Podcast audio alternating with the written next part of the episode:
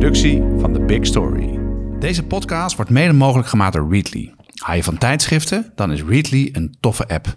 Voor een tientje per maand krijg je toegang tot duizenden magazines die je digitaal kunt lezen. Een soort Spotify voor tijdschriften.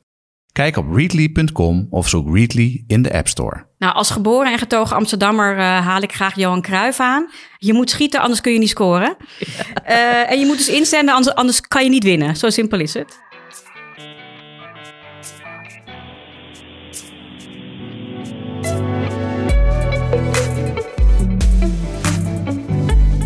Dit is Komt een blad bij de dokter, de podcast van bladerdokter.nl over media-innovatie.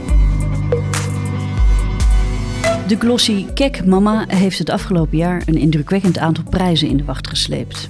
Het werd populairste lifestyle website van 2019, beste crossmedia merk van 2020 en hoofdredacteur Helene van Santen won de Mercure hoofdredacteur van het jaar.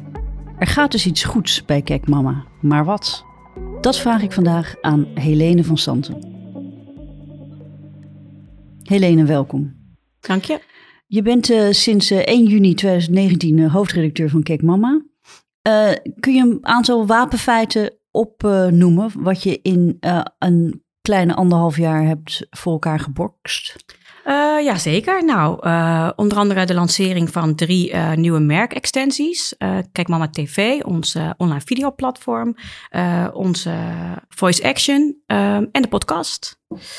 daarnaast bij print de frequentie verhoogd van 13 naar 16 edities. We hebben het magazine een retouch gegeven. Ja. We hebben een jubileum gevierd, 150ste editie, verscheen in mei vorig jaar. Um, en ja, de stijging uh, in, uh, in merkbereik. En hoe, hoe gaat het? hoe, hoe groeien jullie? nou, als je bijvoorbeeld kijkt naar online, ehm, hebben we afgelopen jaar een, in onze unieke bezoekers een stijging van 275% gezien. hadden we afgelopen jaar een gemiddelde van anderhalf miljoen unieke bezoekers per maand, waar het een jaar geleden nog 400.000 was. Ja. Heb, heb ik het over Google Analytics, zet ik graag even bij. Ja, voor de, nou, daar gaan we het zo over hebben. Want de, de million dollar question is natuurlijk hoe heb je dat voor elkaar gekregen. Mm -hmm. En ik uh, las ook dat de oplage omhoog gaat. Uh, het printbereik, ja, die is, die is, omlaag, die is uh, omhoog gegaan. Sorry, omhoog gegaan. um, Herhaal, omhoog. Omhoog. um, ja, als je kijkt naar de laatste cijfers, um, hadden we in het derde kwartaal van 2020 183.000 uh, bereik per editie. En dat was ten opzichte van uh, dezelfde periode een jaar daarvoor 172.500. Dus dat is een stijging van 6%. Nou, hartstikke, hartstikke mooi. Hey, en even over die prijzen. Hè?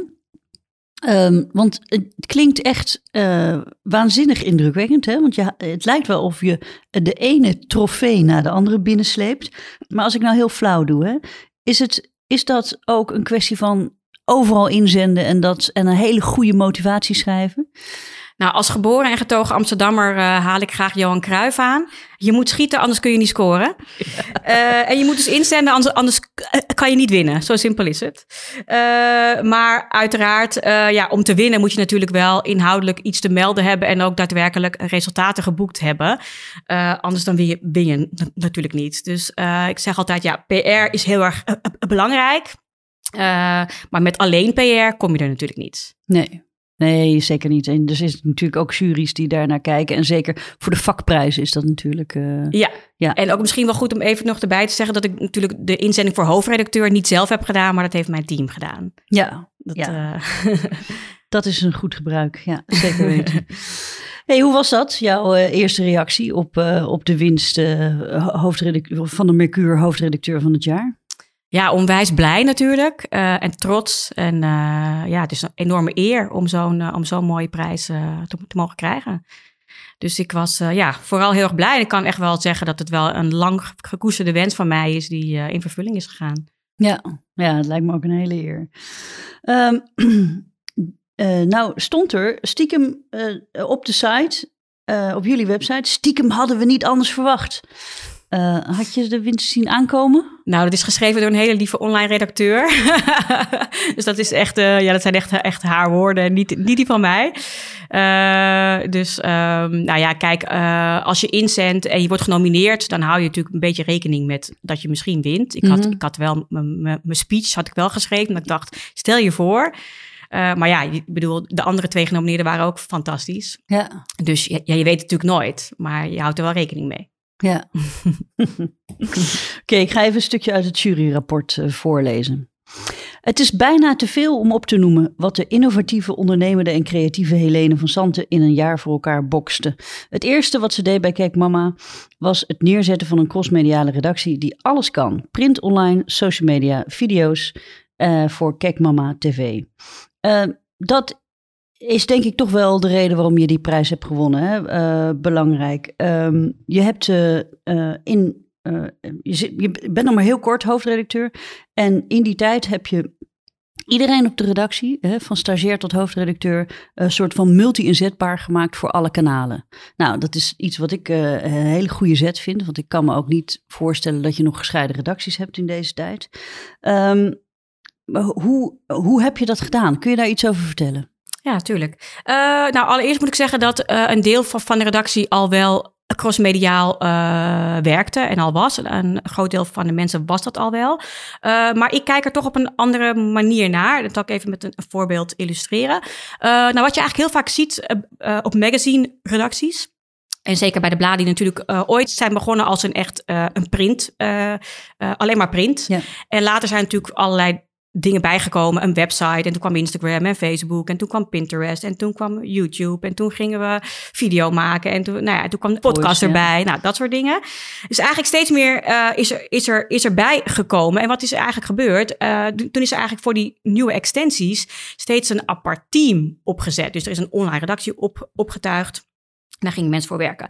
Maar er is natuurlijk steeds meer onder online gaan, gaan, gaan vallen. Dus social media hoort bij online, uh, podcast hoort bij online. Dus dat online team, dat moest eigenlijk steeds meer gaan, gaan, uh, gaan doen. Nou, en volgens, waar volgens mij de kern in zit, is dat um, um, je, je, team niet moet indelen op een kanaal, maar dat je je team moet indelen op de expertise. Dus op de, de, ja, waar hun, hun kracht ligt. Dus om een voorbeeld te geven, onze beeldcoördinator, um, die doet niet alleen de beeldproducties voor print, die zoekt beeld uit. En die zet ook uh, de shoots uit en, mm -hmm. en dergelijke. Uh, maar die is ook verantwoordelijk voor onze Instagram en uh, onze Pinterest. want dat zijn social media die zijn beeld-driven. Absoluut. Dus logisch dat dat bij een beeldcoördinator ligt en niet bij een online coördinator bijvoorbeeld. Uh, dus ik denk als je op die manier er naar kijkt, uh, dan is eigenlijk de indeling heel logisch. En die parallel kan je ook doortrekken naar bijvoorbeeld vormgeving. Ik snap niet dat een vormgever alleen maar een, uh, voor papier is. Maar een vormgever kan ook bijvoorbeeld hele mooie grafische uh, content maken ja. voor uh, uh, in, Instagram bijvoorbeeld of voor stories. Dat, dat doet onze, ja. onze afdeling vormgeving ook. Die zijn ja, dus die, die werken voor alle kanalen van Kijk Mama. Dus ook voor print en voor Instagram en voor Pinterest. Ja, voor, voor alles. Hartstikke goed. Heb je daar ook problemen mee ondervonden? Zijn er ook mensen die dat dus uh, zeg maar niet kunnen of snappen of uh, hak in het zand? Nee, ik had wel het grote geluk toen ik bij Kijk Mama kwam. Uh, nou, nu ruim anderhalf jaar geleden. Ik ging natuurlijk met iedereen koffie drinken. En ik vroeg aan iedereen, goh, wat zou jij willen? En hoe, hoe zie jij het? En iedereen zei eigenlijk, we willen crossmediaal, we willen video. Eh, we geloven daarin. Dus eigenlijk was iedereen eigenlijk heel erg gedreven en heel erg enthousiast. En werkt iedereen eigenlijk wel vanuit de visie, we, we werken voor het merk. En er is echt een ongelooflijk veel passie voor, voor het merk. Um, ja, en je werkt voor een merk en niet voor een kanaal. Dus ja, uh, nou ja, vanuit die gedachte. Maar uh, ja, ik heb daar natuurlijk wel mee, ja, ontzettend geluk ook mee gehad. Dat ik een team al aantrof dat op die manier ook in de wedstrijd zat. Ja, absoluut. En dat is ja. niet overal zo. Hè? Ik kom nog wel eens bij redacties. En uh, daar, ja, dan, dan praat je met de mensen die gaan over print. En die hebben geen idee wat er online gebeurt. En dan praat je met de mensen over online. Die hebben geen idee wat er op print gebeurt. Ja, ja dat vind ik echt heel raar. Ja, ik kan me ook voorstellen, kijk, hoe groter het team is, hoe moeilijker dat natuurlijk ook is. Kijk, uh, ja, als maar... je een heel klein team hebt, dan word je al snel crossmediaal. Want je moet ook nou eenmaal uh, ja, ja, roeien met de riemen die je hebt natuurlijk. Ja, maar wijs mij nog eens een, een mediamerk aan met een heel groot team. Nee, dat is Dat is waar. Goed. Ehm, kijk, mama is dus afgelopen anderhalf jaar enorm aan het uitbreiden. Hè? Je noemde al drie nieuwe merkextensies. Uh, Kijk Mama TV, Kijk Mama de podcast en uh, Kijk Mama uh, Voice Action. Dat is jullie applicatie op de, voor Google Home en ehm, andere praatpaden. Denk je dat je daarmee uh, je ook heel erg goed kunt onderscheiden als merk ten opzichte van bijvoorbeeld de concurrentie? Laten we beginnen met uh, uh, de eerste extensie video. Je was voordat je bij Kijk Mama begon verantwoordelijk voor Libelle TV, hè, dus daar heb je ook al videoervaring op gedaan. En hoe zag je dat voor als belangrijke extensie voor Kijk Mama? Uh, nou, ik geloof onwijs uh, in video, in de kracht van video. Het is natuurlijk van nu en de toekomst. Uh, als je bijvoorbeeld kijkt naar de huidige jongere generatie, we hebben het nu heel vaak over de millennials, maar vooral de generatie daarna, generatie Z. Ja. Hè, die is geboren ongeveer tussen 1995 tot 2010 ongeveer, wordt meestal gerekend. En dat is een generatie die niet eens op Google zoekt, maar die zoekt op uh, YouTube. Ja. En uh, zij willen dus alleen maar video. En voor hun is YouTube geen social uh, medium, dat, dat is het ook. Maar het is ook hun televisie en het is ook hun Google. Het is hun zoekmachine. Ja, dus bijna als je, hun website. Hè? Bijna, hun, ja, hun, hele, hun, hun, hele gebeuren. Hm. Dus als je daar niet bent en je wil wel die doelgroep bereiken... Um, ja, dan, dat, dan mis je natuurlijk heel veel. En die generatie Z, die is nu vrij jong... Maar die wordt op een gegeven moment 25 en dan gaan ze aan, aan kinderen beginnen. Ja. En nou ja, zodra je als vrouw aan kinderen begint, dan ben je de Kijk Mama doelgroep. Dus dan wil ik je graag uh, naar mijn merk toe trekken. En uh, dus ja, dat is een, dus het is echt een, uh, een toekomstvisie ook. Hè, om te kijken naar hoe zorg ik ervoor dat ik ook straks een nieuwe doelgroep aan mijn merk blijf binden. En we merken dat er ook wel veel vraag naar is vanuit de advertentiemarkt dat de vraag is naar crossmediale campagnes. En nou ja, als je dan in jouw team uh, de mogelijkheid hebt om video te bieden, is dat natuurlijk wel heel erg fijn. En uh, ja, we onderscheiden ons daar ook zeker mee um, uh, binnen het, het magazine landschap, zeker in het parenting domein. Uh, want we zijn eigenlijk het enige parenting uh, merk in Nederland dat uh, ja, zowel een podcast als een online video kanaal en een voice action heeft. Ja. Dus we zijn daarin ook echt uniek. Um, als je video, video, met video kun je natuurlijk ook heel goed verhalen vertellen. Hè? En, uh, of re, uh, reportages, hè? alles wat beweegt is natuurlijk veel, uh, ja, dat is natuurlijk veel pakkender. Um, hoe heb je dat nou aangepakt? Is dat nou, uh, want ik hoor bij heel veel andere uh, mediamerken dat de wens voor video er wel is, maar ja, mensen zien het gewoon als een gedoe en ze weten niet goed hoe ze dat aan moeten pakken. Maar dat kan best la laagdrempelig. Hè? Kun jij bijvoorbeeld een voorbeeld geven hoe jullie gestart zijn? Uh, ik ben begonnen eigenlijk met iedereen in het team te gaan praten over of zij zelf mee zouden doen en op, op, op welke manier. Uh, toen zijn we niet op de hei, maar op het strand. Uh, zijn we een strategiedag uh, heb ik gehouden met onze chefredactie en uh, onze marketingmanager Eline. Uh, en zijn we eigenlijk gaan nadenken over, uh, over de invulling. Dus welke format zouden we willen, wat willen we ermee bereiken. Toen hebben we een aantal formats bedacht. we hadden al, al meteen het idee, kijk, um, herkenbaarheid is heel erg belangrijk in de content van Kijk Mama. Um, dus dat wilden we ook naar video ver vertalen. En toen kwamen we eigenlijk al heel snel op, op het idee om een aantal mama-vloggers uh, in te gaan zetten. En ja, dat je hun leven kan volgen en zien. En ook uh, het kijkje in de keuken bij andere moeders. Hoe mm -hmm. doen mhm. andere moeders het? En dat is natuurlijk de vraag, dat wil natuurlijk elke moeder altijd wel, uh, wel graag weten. Um, nou, toen um, onder andere Eline, dus onze marketingmanager, die, die wilde graag vloggen. Mariette, die was toen nog chefredactie, is nu nog steeds onze columnist. nou, die wilde ook graag vloggen. Die, die is dat gaan doen. Um, en we hebben samenwerking met uh, Kim Kutter uh, ja. aangetrokken, die uh, voor ons is gaan vloggen. En daarnaast zijn we gaan kijken, ja, we wilden eigenlijk een, een mix maken, dus deels in de herkenning, maar bijvoorbeeld ook in de praktische tips. Dus hebben we het format Helene Helpt bedacht, waarin ik dan uh, opvoedadvies, zeg ik tussen aanhalingstekens, uh, uh, geef. Ehm, nou ja, dus eigenlijk op die manier zijn we gaan kijken. En we hebben het op een hele laagdrempelige manier kunnen maken, omdat we eigenlijk het, het team het dus eigenlijk zelf doet. Ja, dus degene die gewoon vloggen, met een smartphone, hè? Gewoon met een smartphone, want je, je merkt echt wel met, met online video, mensen kijken het vaak op hun mobiele te telefoon, vaak via YouTube of ze komen op een link vanuit Facebook. Mensen verwachten geen super gelikte video die je ook op lineaire tv zou zien. Dat verwachten mensen helemaal niet. Mensen vinden het gewoon leuk als het uit de losse pols is, dat het niet perfect is. Dat vinden mensen juist eigenlijk gewoon fijn. Dus ehm, ja, op die manier zijn we ook gewoon gaan doen. Ik geloof ook heel erg in, ja, het gewoon doen en uitproberen. En dan kan je meten en kijken wat, wat werkt, wat niet werkt. Uh, nou ja, op, die manier zijn we van start gegaan. eigenlijk het enige wat we extern uh, doen is, nou ja, is natuurlijk uh, onze vlogger Kim, die, die, die, die, die is extern uiteraard. En onze editor. Want ja, om video's te editen, dat is echt wel iets wat heel veel tijd kost, wat echt wel een expertise is. En daarvan hebben we echt gezegd, nou, dat moeten we ook eigenlijk niet willen om dat binnen, uh, binnen ons team te doen. Dus daar hebben we een freelancer voor, ja, die voor ons edit. En ja. die, zijn, uh, die zijn er... Uh, legio. Legio, Het ja. is een, een ex-stagiaire, nou ja, die, en die is op, opgeleid, ja, in, afgestudeerd in een mediaopleiding. Nou, die stond te springen om zo'n om zo'n leuke freelance klus. Dus die is onze, onze vaste editor geworden. Nou, hartstikke goed. Dan de volgende, audio. Jullie jullie podcast. Um, ja, er zijn natuurlijk heel veel merken die tegenwoordig een podcast wil. Hè?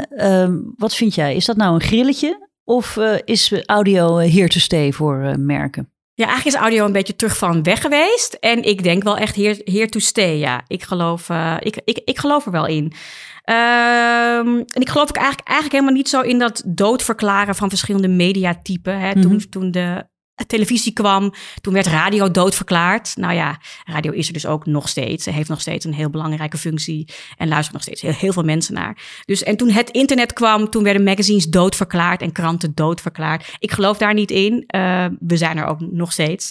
Um, en audio, ja, ik vind, ik vind het heel erg leuk om te zien dat die podcasts eigenlijk een soort, ook een beetje radio maken. Uh, wat erbij is gekomen op uh, onze redacties. En uh, ik vind het heel erg leuk en, en uh, ik, uh, ik geloof er ook in. En nou, een van de redenen, mij wordt vaak ook gevraagd, hè, het crossmediale is natuurlijk een beetje mijn paradepaardje. Waarom geloof ik daar nou zo heel erg sterk in? Nou ja, als je ook altijd kijkt, ik vind het altijd interessant om te kijken naar de statistieken in het mediagebruik van mm -hmm. Nederlanders. Ja. En dan zie je eigenlijk jaar, jaar op jaar dat mensen eigenlijk steeds minder gaan lezen. Uh, Zaterdag, maar ze gaan wel meer luisteren. Nu weer, dankzij podcast, ook meer luisteren en meer kijken. Ja. Denk ik, nou, dat is dus exact waarom ik geloof in crossmediale aanpak. Want ik vind het niet erg als ze iets minder lezen op papier. Als ze maar wel meer lezen op hun tablet, op hun site en naar kijkmama.nl gaan daarmee. En als ze kijken, als ze willen kijken, dan kunnen ze kijken naar Kijkmama TV. En als ze willen luisteren, dan kunnen ze luisteren naar onze podcast. Ja. Uh, dus, uh, nou ja, dus dan denk ik, ja, je, je moet daar zijn op de plekken waar jouw doelgroep is. En waar je ze denkt te bereiken. En of dat in print is, of via audio is, of via video is, ja, maakt me eigenlijk niet zoveel uit, zolang ze maar naar Kijk Mama komen. Ja, en hoe zijn jullie luistercijfers? Uh, onze podcast is echt nog heel erg klein. We mm. zijn vorig jaar maart begonnen, hij is echt nog klein. Uh, uh, onze eerste aflevering die staat nu op ongeveer 5000 luisteraars. Ja. Ehm, maar wat ik, wat ik heel grappig vind van, van, de, van de podcast, is helemaal nieuw voor ons op, op die manier er, ernaar te kijken, is dat we eigenlijk zien um, dat de eerste aflevering, die is nog steeds aan het groeien. Ja. Want als mensen jouw podcast nieuw ontdekken, wat doen ze dan? Ze gaan beginnen bij aflevering 1. Ja. En dan gaan ze helemaal vanaf het begin um, gaan ze luisteren. Nou, dat is natuurlijk echt wel uniek. Want normaal gesproken natuurlijk bij een, een magazine... als jij voor het eerst een magazine koopt... dan denk je niet, oh, dat is leuk. Ik, ik ga editie 1 bestellen van acht jaar geleden. Dat doe je niet. Maar dat doen mensen bij podcasts dus wel. En dat is een goed, ook een goed voorbeeld, vind ik... van hoe een cijferanalyse um, ervoor zorgt... dat je anders gaat nadenken over de inhoud, over de content. Ja, en ik ben ook, uh, ik ben ook uh, van mening dat... Uh, het dus helemaal geen zin heeft om actualiteit in je podcast nou, te steken. Exact, Want het is ja. en ook omdat podcast tegenwoordig ook steeds meer, uh, meer worden opgepakt door de Googles in deze wereld. En dus ook straks de inhoud gaan prijsgeven. En als jij een heel goed gesprek hebt over iets en uh, ja, je gaat dat om, om, weet je, omkleden met allerlei nieuwsfeiten en zo, ja, dan verlies je dus eigenlijk die houdbaarheid, die shelf life. Exact. Van, ja. ja, nou dat is een van de dingen die wij ook hebben gezegd. Van, oh ja, dus nu, nu we dat weten en dat zien, dan moet onze podcast dus tijdlozer zijn. Want het moet ja, ook over drie jaar nog steeds een interessante aflevering zijn. Ja. Hartstikke goed. Uh, dan Voice, de laatste nieuwe extensie. Uh, uh, jullie hebben dus een, een, uh, een applicatie voor de praatpaal. Uh, je kan via je Google Home of je Alexa, ehm, kan je dus Je moeten we even oppassen hier in kantoor. Dan kan er nog wel eens wat aangaan bij ons. Eh, kan je dus in contact treden met uh, Kijk Mama. Ehm, wat, wat kan ik vragen aan jou of aan jouw applicatie? Ja, je kan dus praten via je Google Home of via de Google Assistant app op je mobiele telefoon. Als ik het nu zeg, misschien gaat er hier iets aan, maar je zegt dan: uh, Hey Google, ik wil praten met Kijk Mama. en, dan, uh, en dan vraagt hij terug: Hoi, nou welkom bij Kijk Mama. Wil je de glimlach van de dag of wil je onze podcast beluisteren? Dat zijn momenteel dus de, de, de smaken die wij hebben. Die wij hebben. Oké, de podcast beluisteren, dat snap ik. Kun je iets vertellen over de glimlach van de dag? De glimlach van de dag, ja. Nou, wij wilden eigenlijk uh, bij de Voice Action, dachten we, we wilden iets... Um, met humor, wat heel erg bij Kijk Mama uh, hoort. En we wilden iets waardoor mensen elke dag zouden terugkeren. Dat ze elke ochtend even denken van, oh ja, ga eventjes beginnen met Kijk Mama op die voice action. En we zagen op uh, Instagram hebben we onder andere altijd die leuke uh, spreuken. Mm. Die het heel goed doen. Ook zo'n zo grappige, ja, zo'n spreuk uh, elke, dag. Uh, en we, we zien dat die, dat die het ook heel goed doen. Dachten we, nou, dat moeten we eigenlijk vertalen naar voice. Dus zijn we eigenlijk dat, maar dan net iets anders natuurlijk, omdat het echt om audio gaat, uh, in, ja, in audiovorm gaan brengen. Die worden ingesproken ook door een van onze collega's. En ja, zo zijn we dat gaan doen. En ehm, ja, die voice action, dat wilden we heel graag. Wilde ik vooral ook heel graag, omdat ik zie natuurlijk dat het zoeken via voice heel erg geen opkomst is. Ja. En ik vond het vooral nu ook heel belangrijk om er alvast mee te starten. Om ook je merknaam te claimen in het, uh, in het voice-landschap. Uh, maar ook, ja, ook hier eigenlijk beginnen en experimenteren, analyseren, leren en kijken wat werkt. Ja. Dus ook die voice action is echt nog niet heel groot, maar dat hoeft ook niet. Nee, het uh, gaat het is... meer om het, de vingeroefening, zeg maar. Ja, ja, en ik denk dat je daar ook niet bang voor hoeft, moet zijn uh, als uh, mediamaker. Uh, ja, als ik nu onze eerste aflevering terugluister van de podcast, dan denk ik ook, oh my god, weet je wel. hij is nu veel beter. Maar dat, dat is omdat we ooit gewoon zijn begonnen en we zijn gaan leren. In het alle begin namen we niet één. Nou, in het alle begin trouwens mochten we heel lief van onze collega's van nu.nl opnemen in hun studio. Mm -hmm. Maar op een gegeven moment kwam corona, moesten we thuiswerken. En toen deden we allemaal vanuit huis. En zaten we eerst gewoon ja, met onze eigen uh, uh, koptelefoontjes gewoon uh, op te nemen via een online programma. Nou, inmiddels heeft nu iedereen thuis een, een microfoon. Zoals jij hier ook een hele mooie mm. professionele microfoon thuis op staan, hebben wij dat nu ook allemaal thuis. Dat zijn allemaal van die dingen. We, we zijn andere rubrieken gaan bedenken. Ja. Uh, gaandeweg. Dus gaandeweg is die podcast heel erg veranderd en dus ook inhoudelijk veel beter geworden. Um, um, dat opzicht denk ik wel eens, oh, het is ook wel weer jammer dat mensen nu bij aflevering 1 beginnen. Want nu denk ik, oh nee, aflevering 1 is, is echt nog heel slecht. maar je leert en je, en, en, je groeit. Dus vaak denk ik ook, ja, je kan ook eindeloos analyseren. Uh, of sorry, eindeloos van tevoren allerlei plannen maken. Maar begin gewoon. Ja, maar dat is een beetje de pan, pannenkoekenmentaliteit, zoals ik het noem. Hè. De eerste mislukt altijd. Hè. Maar, de, bij de, ja. maar de tweede is al rond en de derde is al gaar. En de, bij de vierde wordt het half decent. Uh, maar dat is toch in, uh, bij mediamakers is er toch zo'n koud watervrees om gewoon maar dingen te gaan doen. Hè? Want het moet allemaal perfect en shiny en gepolijst zijn voordat het uh, eruit kan. Want je bent toch een professional. Maar ja, dat is gewoon ja, dat is gewoon niet meer zo. Je moet gewoon echt, als je niet leert en doet, ja, dan blijf je stilstaan. Ja. En, en het medialandschap staat in de fik. Dus uh, ja, dan, dan ben je per definitie uh, hard aan, aan, je best aan het doen om een soort spuit elf te worden. Maar goed, en ook zo'n voice-applicatie, want zo'n voice-applicatie is echt hartstikke makkelijk om te maken. Mm -hmm. En Google begeleidt je daar ook helemaal in. Dus uh, um, die, die koudwatervrees, echt, uh, ja, ik ben blij dat je het zegt, want ik ben het helemaal met je eens. Nergens voor nodig.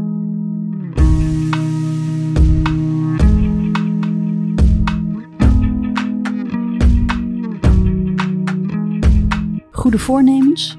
Ik zou zeggen meer tijdschriften lezen in 2021. Ik gebruik Readly, een app met 5000 nationale en internationale magazines. Dat kost nog geen tientje per maand. Wil je het een keer uitproberen? Kijk op nl.readly.com slash voor een gratis proefabonnement van twee maanden. nl.readly.com slash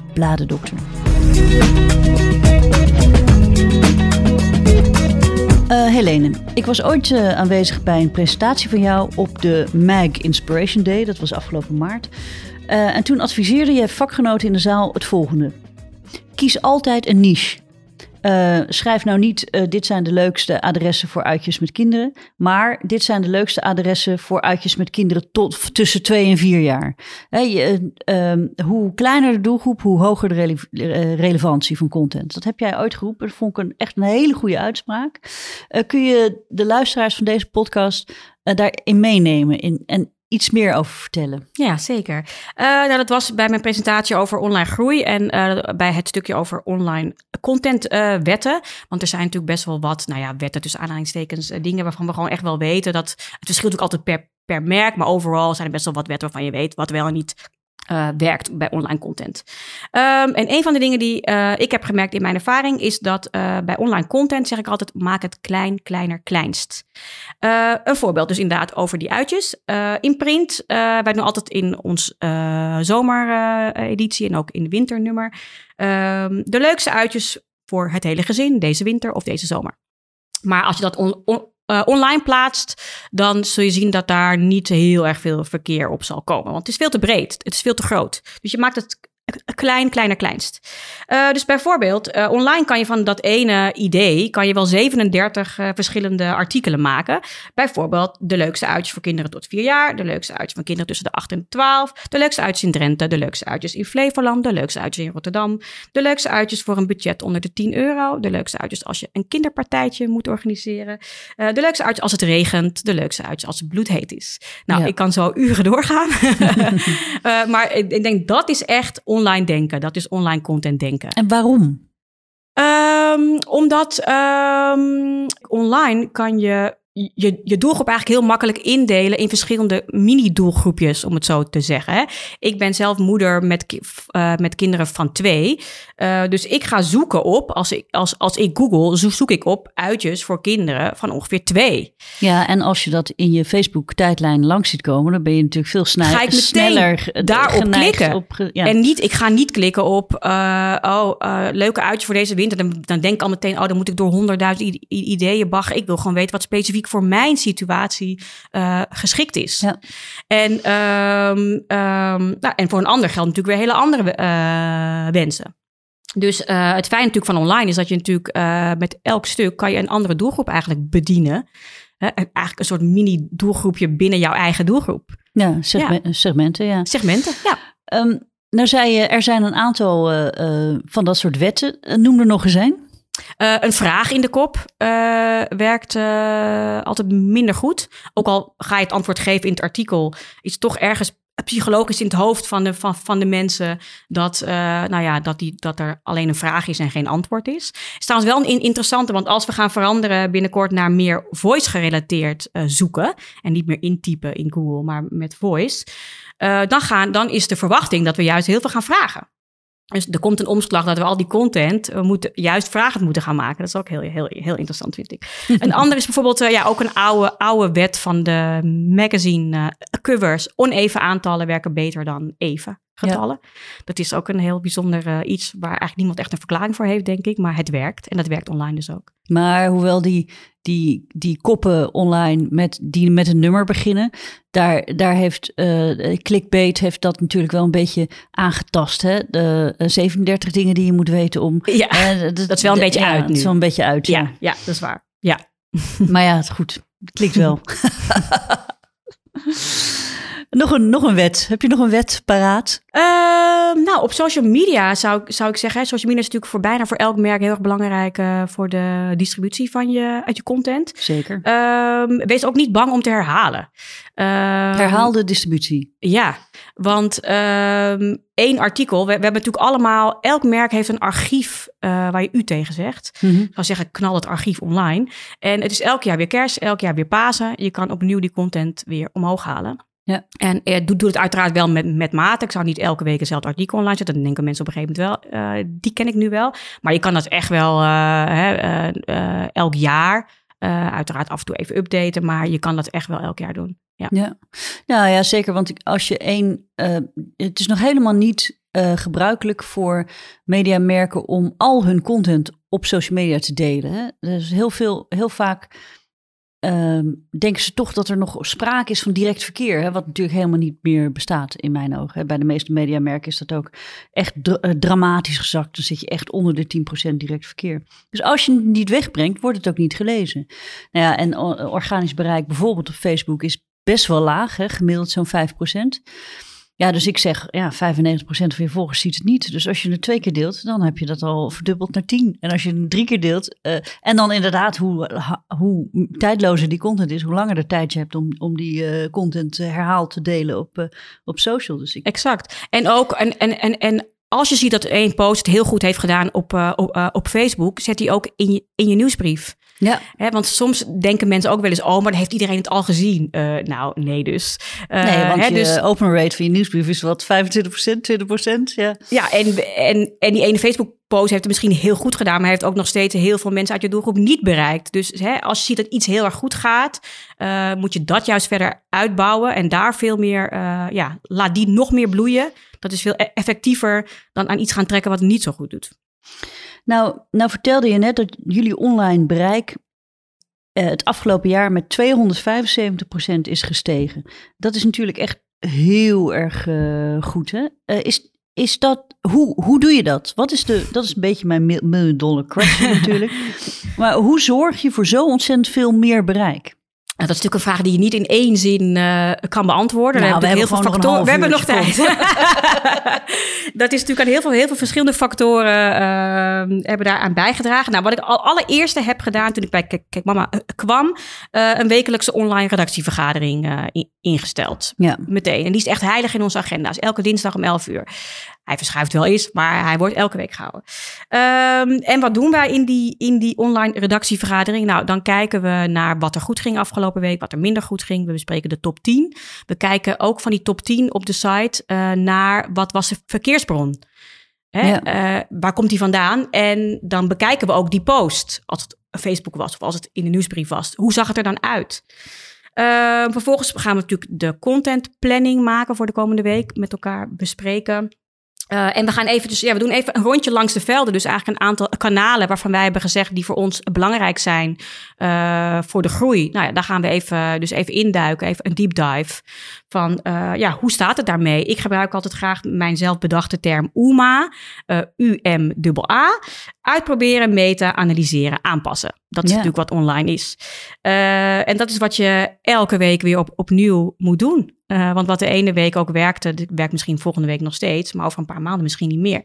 En je moet ook gewoon blijven eh, proberen. En dat is ook eigenlijk wat het, wat het juist zo leuk maakt. om steeds weer iets nieuws te doen. maar dat betekent dus dat een, vooral een datagedreven werkwijze Ja.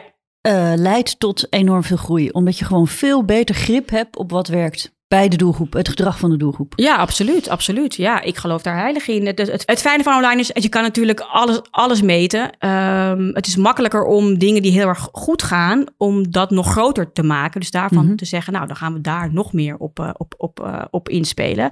Na- na- natuurlijk moet je ook je, je onderbuikgevoel niet uit, uitsvlakken. Soms moet je ook iets doen wat niet eh, conform de data zou uitwijzen. Waar, waar, waarvan jij echt denkt, dit werkt goed, dit is, dit is gewoon een goed idee. Dan denk ik, nou, ga gewoon doen. Want we meten over drie weken dan wel of het inderdaad een goed idee was. Ja. Ehm, eh, dus ja, het is heel erg da- data-driven. Ja, absoluut. Ja. Oké, dus eh, eh, een datagedreven werkwijze, dat leidt tot meer groei.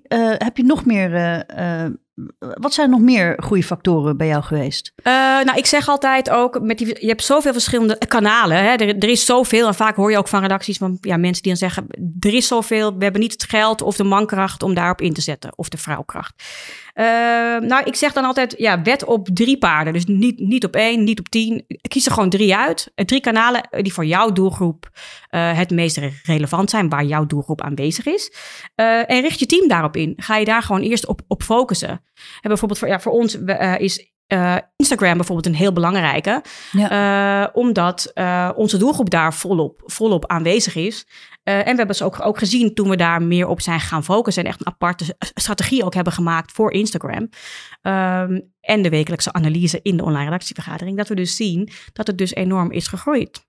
Ja, Ehm, en, en natuurlijk altijd scherp blijven op de inhoud. Hè. Eh, uiteindelijk komen mensen naar Kijk Mama omdat ze artikelen willen lezen of video's willen bekijken. Ze willen onze content. Eh, die moet natuurlijk wel gewoon kwalitatief goed zijn. Mhm. Uh, dus dat is natuurlijk ook een heel belangrijke factor om daar altijd scherp op te blijven. Nou, hoor ik bij heel veel van mijn klanten, hoor ik van ja, leuk hè, Instagram en online, weet je. Maar het is gewoon een onwijs gedoe en ja, je verdient er geen ruk mee.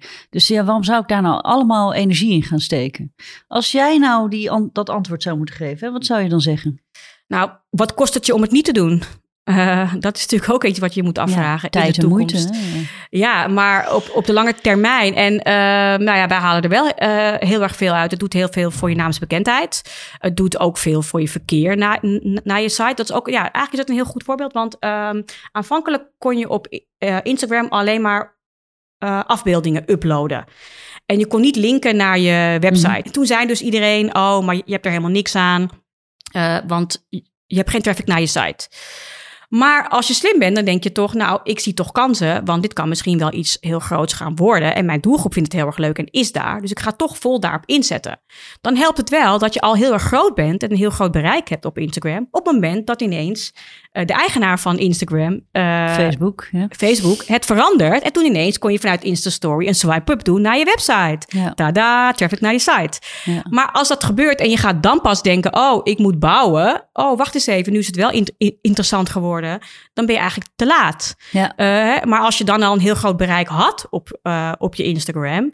En je kan ineens een swipe-up doen. Of je kan ineens nu ook een shop doen. Hè? Ja, producten in je Insta-shop. Uh, nou, dan, dan levert het natuurlijk ook meteen wel echt iets op.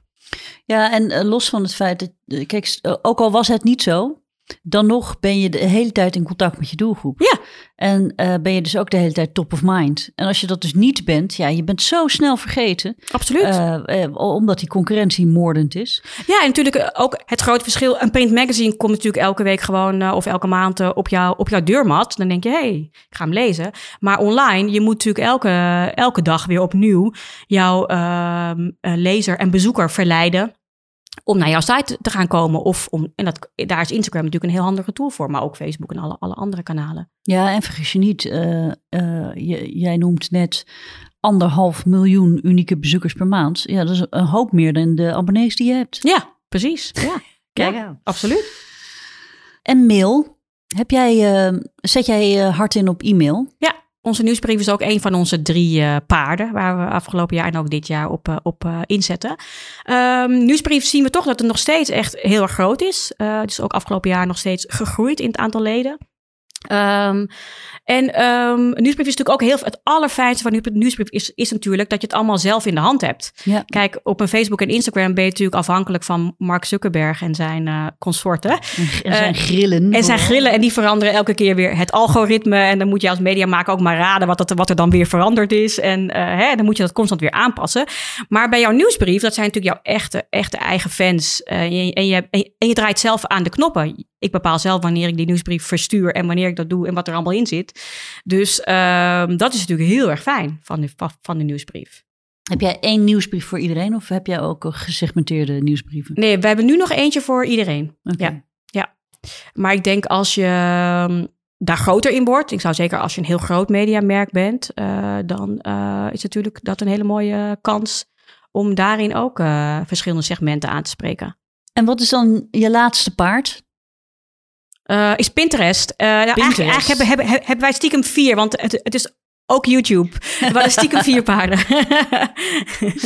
uh, YouTube, dat, uh, dat, dat heb je al uitgelegd. Hè? Die, die uh, millennial doelgroep, die kijkt veel. En zeker die doelgroep die eraan gaat zitten komen, die is echt, dat is echt een video gedreven. Dat is, daarvan is video de voornaamste mediaconsumptie. Mm -hmm. um, maar Pinterest, dat is toch wel interessant om heel even te vertellen. Het ondergeschoven kindje Ja.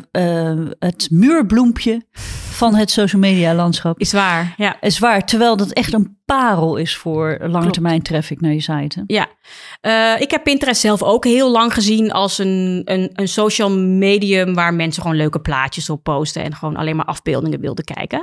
Uh, totdat ik een keer een training ging volgen uh, over, over Pinterest. Die heeft mijn ogen geopend. Pinterest, daarin werd ook heel duidelijk gezegd: eigenlijk is Pinterest geen social medium in die zin. Uh, het is eigenlijk ook een, uh, een zoekmachine. Ja. Voor mensen die wat visueler ingesteld uh, zijn misschien. Maar mensen gebruiken dat net als jongeren YouTube ge ge gebruiken om daarop te zoeken naar content. Gebruiken heel veel mensen ook Pinterest om echt te zoeken naar content. En ze willen dus ook ehm, doorklikken naar je site. Want ze zijn op zoek naar meer informatie. Ja. Ze zijn niet alleen op zoek naar mooie plaatjes. Ook, en dat biedt natuurlijk ook in, inspiratie. Maar ze zijn ook vooral op zoek naar meer informatie. Dat vond ik zo'n eye-opener. Dus toen ik bij Kijk Mama kwam, nou, dat is een van de dingen die we ook meteen hebben, uh, hebben, hebben, aangepakt. Uh, we, we, onze vormgever heeft een uh, hele mooie stramien gemaakt voor al onze Pinterest-plaatjes. En die hebben dus allemaal een kop en ons logo, een mooie afbeelding. En zijn allemaal clickable naar onze site. Ja, ik heb toen echt tegen het team gezegd: elke pin is clickable elke pin. Heel belangrijk, ja. Heel belangrijk. En goed georganiseerd natuurlijk. Met boards en categorieën. Ja. En ja. Uiteraard. Daar moet je ook. En dat, dat kost even tijd aan het begin. Want je moet hem even opnieuw gaan inrichten. Je moet een, een stramien maken. Uh, maar uiteindelijk, uh, als dat eenmaal staat, dan is het een, gewoon een kwestie van blijven pinnen en het, uh, het blijven updaten. maar dan zie je, en Pinterest is wel echt een langer termijn ding. En, en eigenlijk ook alleen maar als je echt heel erg mooi beeld hebt. Hè? Want het is, je moet echt, het is zo visueel gedreven. Ja, maar elk magazine heeft mooi beeld, toch? Nou, bijna, nou ja, bijna allemaal wel. Beleggersbelangen. ja. Hoe tof het blad ook is hoor. Maar... nou, wij hebben gelukkig wel mooi beeld. Dus, dat, uh, dus dat, uh, dat, dat, dat werkt heel goed. En ja, ook leuk om te zien natuurlijk dat uh, ook als we het hebben over je, je bakarchief aan content.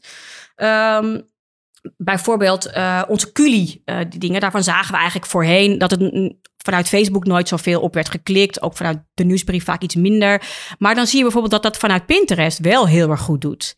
En dan, dan, en dan zie je ook weer hoe interessant het is om, om te kijken naar dat archief en die grote bak content die, we, die je dus hebt. Ja. En dan te kijken van, oh ja, dit vonden we voorheen misschien minder. Dan zeiden we, oh, het klikt niet of wordt minder goed gelezen.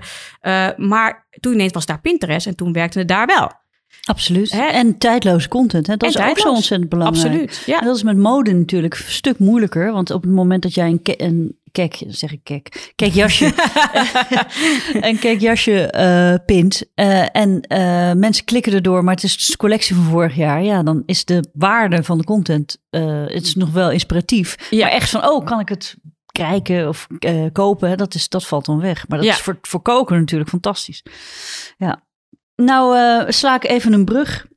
Eh, want we hadden het net over eh, anderhalf miljoen unieke bezoekers op de site versus jullie hebben een, een verspreide oplage van eh 22.000, ruim 22.000. Dat is natuurlijk een stuk lager. Nou zie je dus dat die printcijfers over de langere termijn aan het zakken zijn. Is, het, is dat onvermijdelijk dat het papieren bereik van de Kekmama daalt? Ehm, nou, we zien natuurlijk dat, de, dat print onder druk staat. En dat, is, dat geldt voor de hele markt en helaas dus ook eh, voor ons. Dat geldt zowel bij de abonnee-kant als de ad- advertentiemarkt. Eh, maar ik geloof wel echt nog steeds eh, heilig in, eh, in, eh, in print. Eh, de rol van print is natuurlijk wel enorm veranderd. Mhm. Ehm, vroeger eh, las je een magazine even tussendoor eh, als je op de, op de bus zat te wachten of als je in de wachtkamer zat bij de tandarts of, Op de bank lag. of, op, ja. of op de bank lag natuurlijk. En nu zien we eigenlijk dat die mo- momenten heeft de mobiele telefoon natuurlijk compleet overgenomen. Eh, wat ik overigens niet erg vind als ze op die mobiele telefoon ook naar kijkmama.nl gaan hè? of eh, op, on- op onze YouTube zitten. Ehm, maar ehm, de, de rol van print, het, het, het, is, het is steeds meer natuurlijk dat luxe offline momentje voor jezelf. Eh, is, het, eh, is het geworden. En zeker onze doelgroep, natuurlijk moeders, eh, met jonge kinderen vaak, ja, die snakken natuurlijk naar een offline verwend mo- momentje voor zichzelf. En we zien dus inderdaad dat nu onze, onze doelgroep, dus onze, ons magazine, vaak, eh, ik zeg altijd in de drie B's, eh, bed, bad, bank. Ja.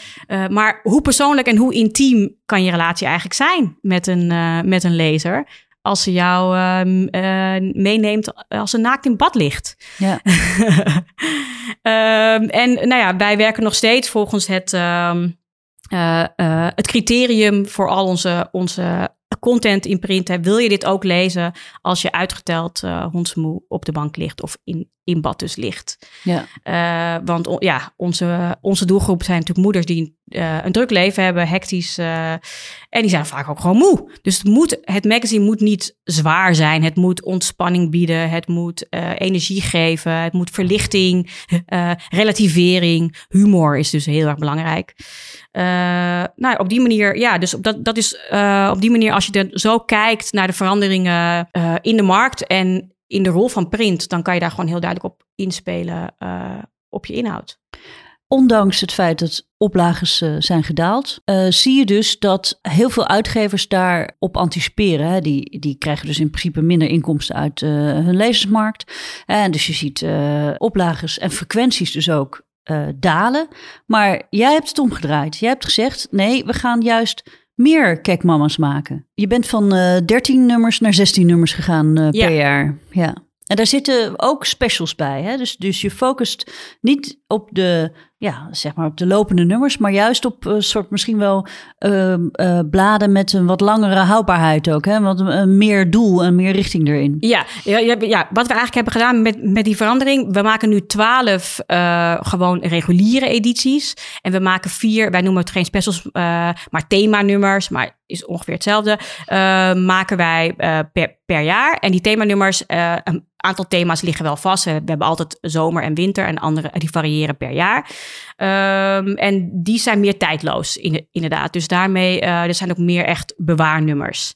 Ja. Ehm, dat, dat is ook echt een, een bewuste keuze daarin. Hè? Dus als je inderdaad denkt, eh, nou, eh, het printmagazine is dat luxe offline moment voor jezelf. Een nummer waar ik echt wat langer over wil doen. Nou, dan is inderdaad zo'n themanummer daar heel geschikt voor. Nou, bij de inzending voor eh, Cross Media Merk van het jaar, die heb ik nog even nagelezen, ehm, eh, stond ehm, een quote van jou. En jij zegt altijd, eh, net als ons eigen kloppend hart, eh, eh, heeft ook het hart van Kekmama een linker en een rechterkamer. Die allebei van vitaal belang zijn voor het mediamerk.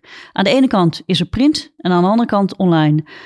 Met naast de website ook allerlei zijtakken. Dat zijn natuurlijk de extensies waar we het eerder over hebben gehad. Eh, zie jij de toekomst ook voor je dat er altijd een combinatie eh, zal zijn tussen print en online voor Kijk Mama? Of eh, bestaat er ook een scenario dat je op de lange termijn toch vooral een online merk wordt? Ik geloof heel erg eh, in de combinatie. Ehm, we hadden het al eerder even over het mediagebruik van Nederlanders. Hè. Dan kijk je naar wat hoeveel tijd mensen besteden aan lezen, kijken, eh, luisteren. Eh, nou, ik wil dus dat allemaal bij Kijk Mama doen. zo, zo groot is de ambitie.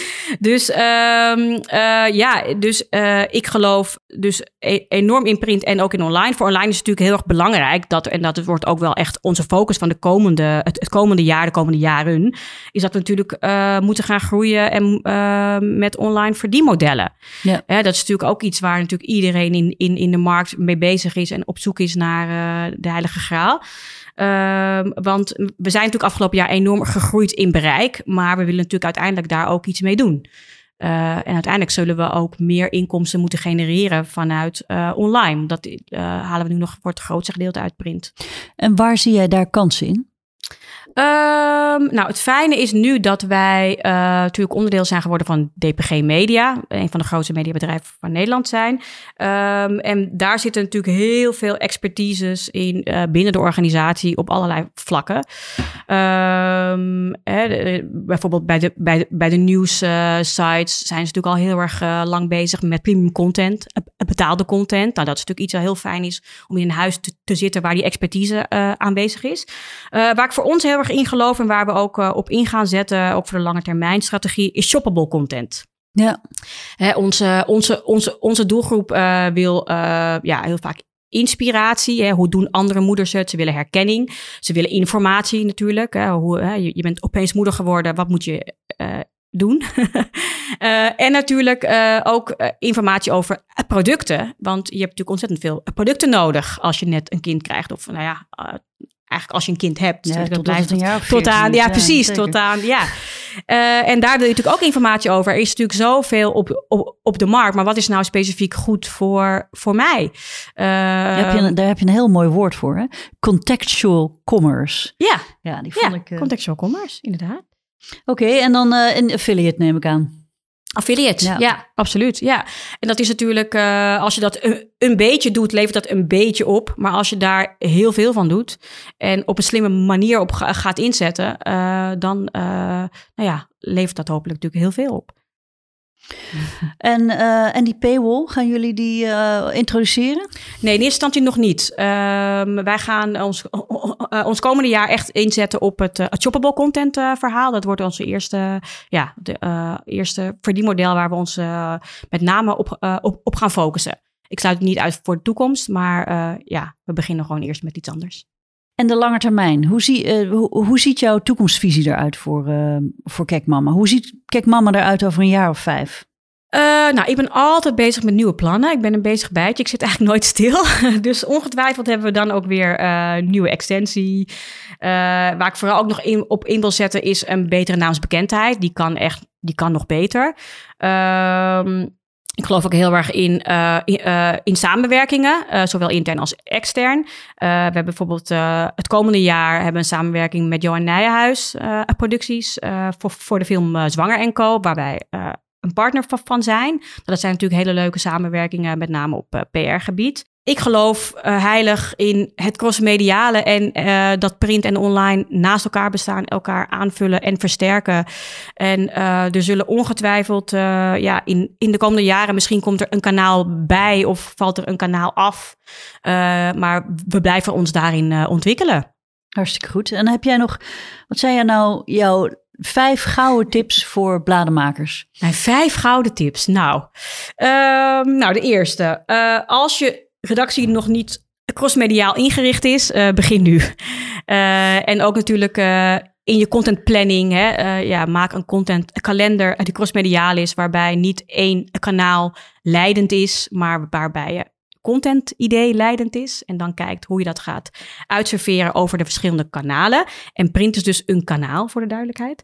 Ehm En, en voor iedereen die daar moeite mee heeft, die kan dan bij Bladerdokter Academy even vlak voor de flagrante zelfpromotie. maar daar geven wij dus heel veel training in. Ja. Ga door. Goed. Ga door. Ja, en natuurlijk moet je van tevoren een plan eh, maken. Je moet natuurlijk eh, een strategie, een, eh, een plan hebben. Ik ben niet voor zomaar iets, iets doen. Maar uiteindelijk moet je wel gewoon uitproberen. Dus eh, hè, eh, gewoon doen. Niet denken van, oh, maar het is, het is, het nog niet perfect. Heel veel eh, is gewoon learning by doing. Dus wees niet bang om gewoon te beginnen. Ehm, stel ook vooral een, eh, een online wekelijkse redactievergadering in. Als je dat nog niet hebt gedaan. En leen mijn begrip OEMA. eh Ja. Uitproberen, meten, analyseren, aanpassen. Ehm, eh, want daar ga je al eh, vanaf de derde keer al ga je patronen zien. Eh, je gaat zo snel dingen zien ehm, waarop je kan inspelen. Dus ehm, ja, doe dat vooral. Vierde tip. wees niet bang om artificial intelligence te gebruiken. Eh, er zijn zoveel tools op de, op de, op de markt. Ehm, en, En waarvoor? Waarvoor gebruik nou, je dat? wij hebben bijvoorbeeld EchoBox maken wij gebruik van eh, Ja. voor de post op Facebook en op Twitter. Dat is een tool die social post inplant, die ook da- da- daadwerkelijk voor jou eh, online zet. En, en op het juiste moment. Die kiest dus ook. Die, kiest de juiste zelfs- moment aan, eh, uit wanneer jouw doelgroep online is en wat het dus juiste moment is voor een, een bepaalde artikel of item om te posten. Ja, en die kiest dus ook de inhoud. Hè? Dus dat is ook wel Ja, belangrijk je moet natuurlijk absoluut een vinger aan de pols houden, want het gaat natuurlijk ook wel eens mis. Eh, en het kan best wel, eh, ja, het is natuurlijk ook best wel spannend om dat te doen, want je geeft een bepaald iets uit handen. En vooral iets waarvan jij, eh nou, ik zelf natuurlijk jarenlang in de online strategie ben ik allerlei algoritmes aan analyseren, alle onderzoeken aan het lezen. En dan heb, denk ik een bepaald beeld te hebben van wat werkt en wat niet werkt. En dan komt, ga, geef, geef je het uit de handen en dan laat je zo'n zo'n zo- zo'n zo'n machine het, het, zo'n robot het van je overnemen. En dan doet hij af en toe dingen waarvan je echt denkt: wat is hij aan het doen? Ik kan, kan me nog heel, heel goed herinneren toen we dat net hadden, hadden ge- toen we daar net mee waren begonnen met EchoBox. Eh, We hebben op, op de redactie hebben we zo'n zo'n scherm. We zitten nu natuurlijk allemaal vanuit huis, maar, op de, maar als we op de redactie werken, hebben we een scherm staan, een smart TV, waarop de unieke, eh, de, sorry, de, eh, de real-time bezoekers van de website eh, Ja. eh, eh, zijn. Ehm, En uh, nou, ik ben, ik kan nog heel goed herinneren, een, een, keertje op een maandagochtend tien uur of zo. En we zagen die cijfers omlaag gaan. En ik ging kijken op onze Facebookpagina en er waren al uren, had hij niks gepost. Dus ik begon echt zo van tegen de chefredactie, wat, wat is er aan de hand jongens? Uh, stuk, waarom doet hij niks? Waar, waar, waarom doet hij niks? En toen zeiden de, de andere op de redactie, ja, laten we nog even afwachten, even kijken. Want hij, eh, blijkbaar is onze doelgroep nu eigenlijk gewoon niet online. Ja. Hè? En hij, hij gaat misschien vandaar, laten we gewoon even niks doen, even afwachten. Oké, oké, vond ik heel moeilijk op mijn handen zitten, kan ik, kan ik, kan ik niet goed. Dus wacht af. En wat gebeurde er later die dag? Ineens, einde middag, ging hij als een dolle posten. En hadden we uiteindelijk nog steeds een heel succesvolle dag. Want in de avond hadden we mega veel bereik. Uh, en veel verkeer naar onze, onze site. Dus kwam het die dag ook gewoon nog goed. Dus het is af en toe heel eng om, uh, om te kijken naar wat zo'n robot aan het doen is. En jij denkt dus dan soms dat je het beter weet, maar dat is dan dus niet zo. Het is heel confronterend. Maar uiteindelijk, als het leidt tot groei, dan zou ik zeggen: laat die robot lekker zijn gang gaan. Um, en tot slot, uh, deel je successen daar eindigen we toch een beetje waar we mee begonnen met de PR. PR is niet alles, maar wel heel belangrijk. Ik vind dat wij ook vaak, uh, zie ik, uh, mensen zijn veel te bescheiden. Het is een beetje de generatie natuurlijk, uh, ik ben zelf bijna 40. Het is een beetje mijn, mijn generatie en van mensen van de generatie boven mij. Wij zijn vroeger opgevoed met het idee van niet te veel pochen en nooit over jezelf zeggen dat je heel goed bent of zo. Gelukkig heeft de jongere generatie die opgroeien met Instagram en zo daar veel minder moeite mee. Ja. Die, ja, dus wees ook niet bang. Als je zelf niet vertelt hoe, hoe fantastisch je het doet, dan weet niemand het. En als je zelf niet constant overal roept dat je er bent en wat je allemaal doet, dan weet niemand het. Nee. Dus uh, roep vooral. Heel goed. Uh, en wees ook trots op wat je doet. Het, het scheelt natuurlijk ook heel erg hoe je, hoe je het brengt. Hè? Als je doet, kijk eens hoe fantastisch wij nou weer zijn. Maar je kan ook zeggen, hey, we zijn trots, we hebben dit bereikt. En dankzij jou als, uh, als bezoeker of als lezer. Dan is het al een heel ander insteek, een heel ander gevoel wat je overbrengt. Dus uh, deel je successen. Hartstikke goed. Helene, ik wil je heel erg bedanken voor dit inspirerende gesprek. Ja, ook bedankt. Dat is leuk. Dit was Komt een blad bij de dokter, de podcast van bladerdokter.nl. Elke maand hebben we nieuwe gesprekken met bladermakers en hoofdredacteuren over de ontwikkelingen in het vak. Op bladerdokter.nl kun je alle gesprekken terugvinden, of beter, abonneer je via Apple Podcast of Spotify. Bladerdokter publiceert elke maand een nieuwsbrief met interessante artikelen over magazines, vol nieuws, achtergronden en analyses. Je kunt je inschrijven via bladerdokter.nl.